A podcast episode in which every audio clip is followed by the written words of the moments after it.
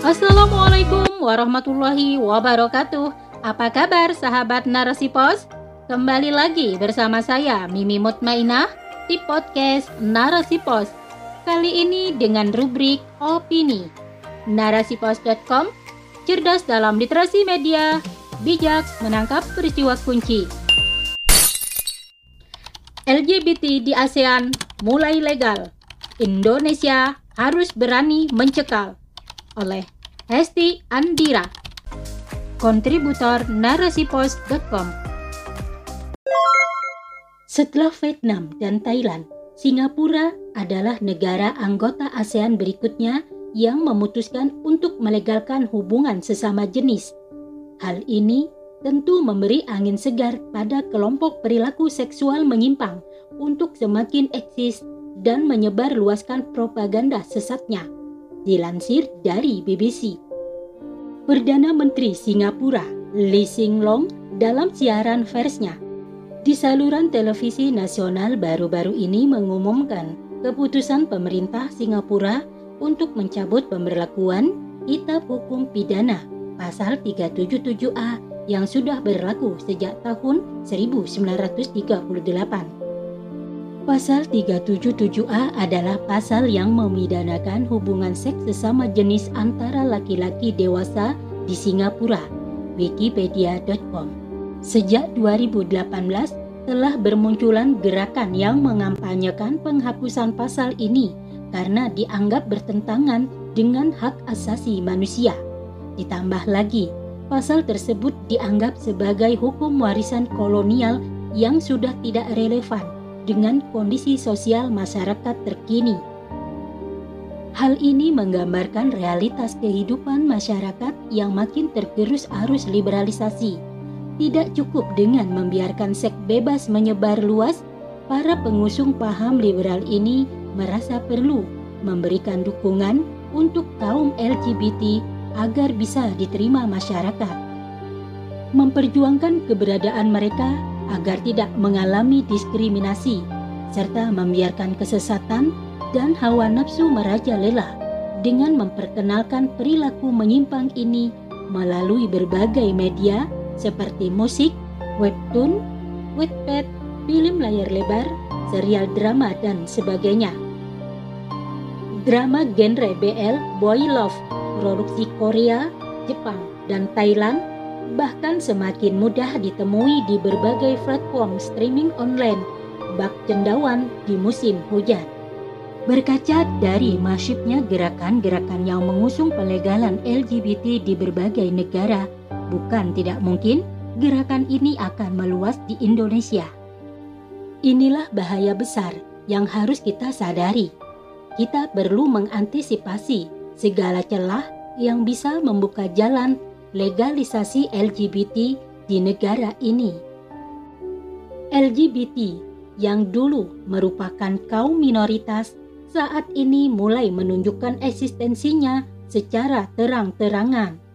Dengan dukungan berbagai pihak, mereka akan semakin percaya diri dan semakin menarik masyarakat luas untuk hidup dalam kesesatan yang nyata.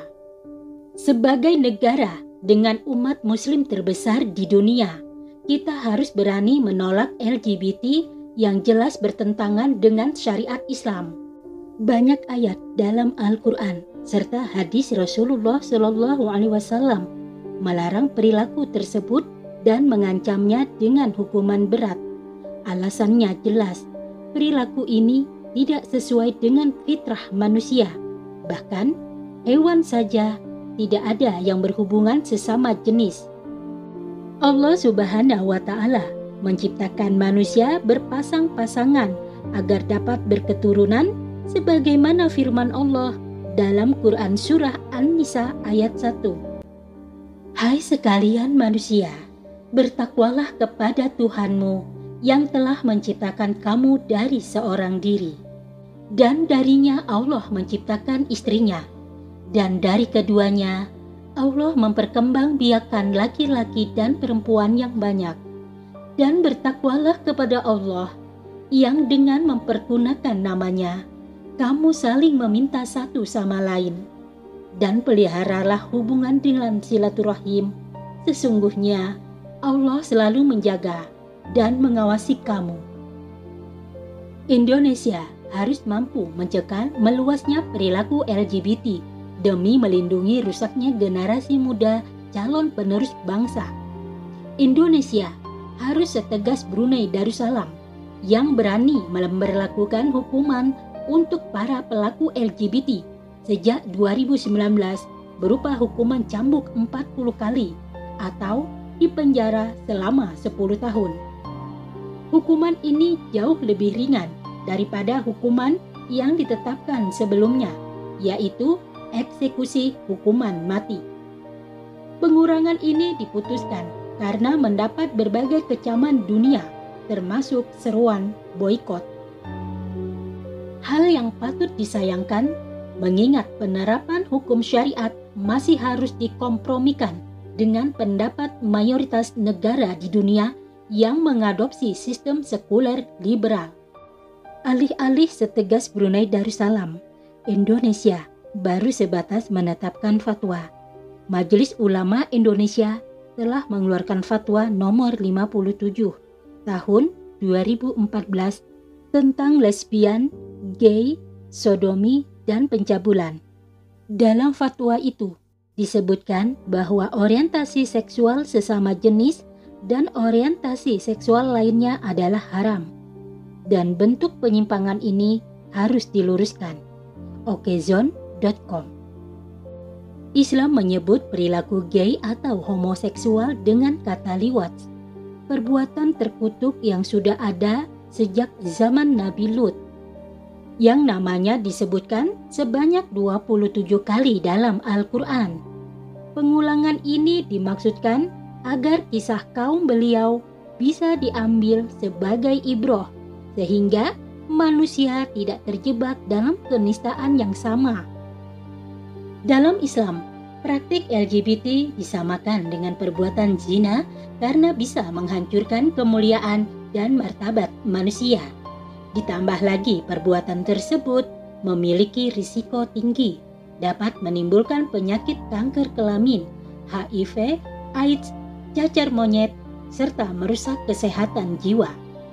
Rasulullah Shallallahu Alaihi Wasallam sejak dini telah mengingatkan umatnya dengan bersabda, Sesungguhnya yang paling aku takuti menimpa umatku adalah perbuatan kaum Lut. Hadis riwayat Tirmizi. Wallahu a'lam bishawab.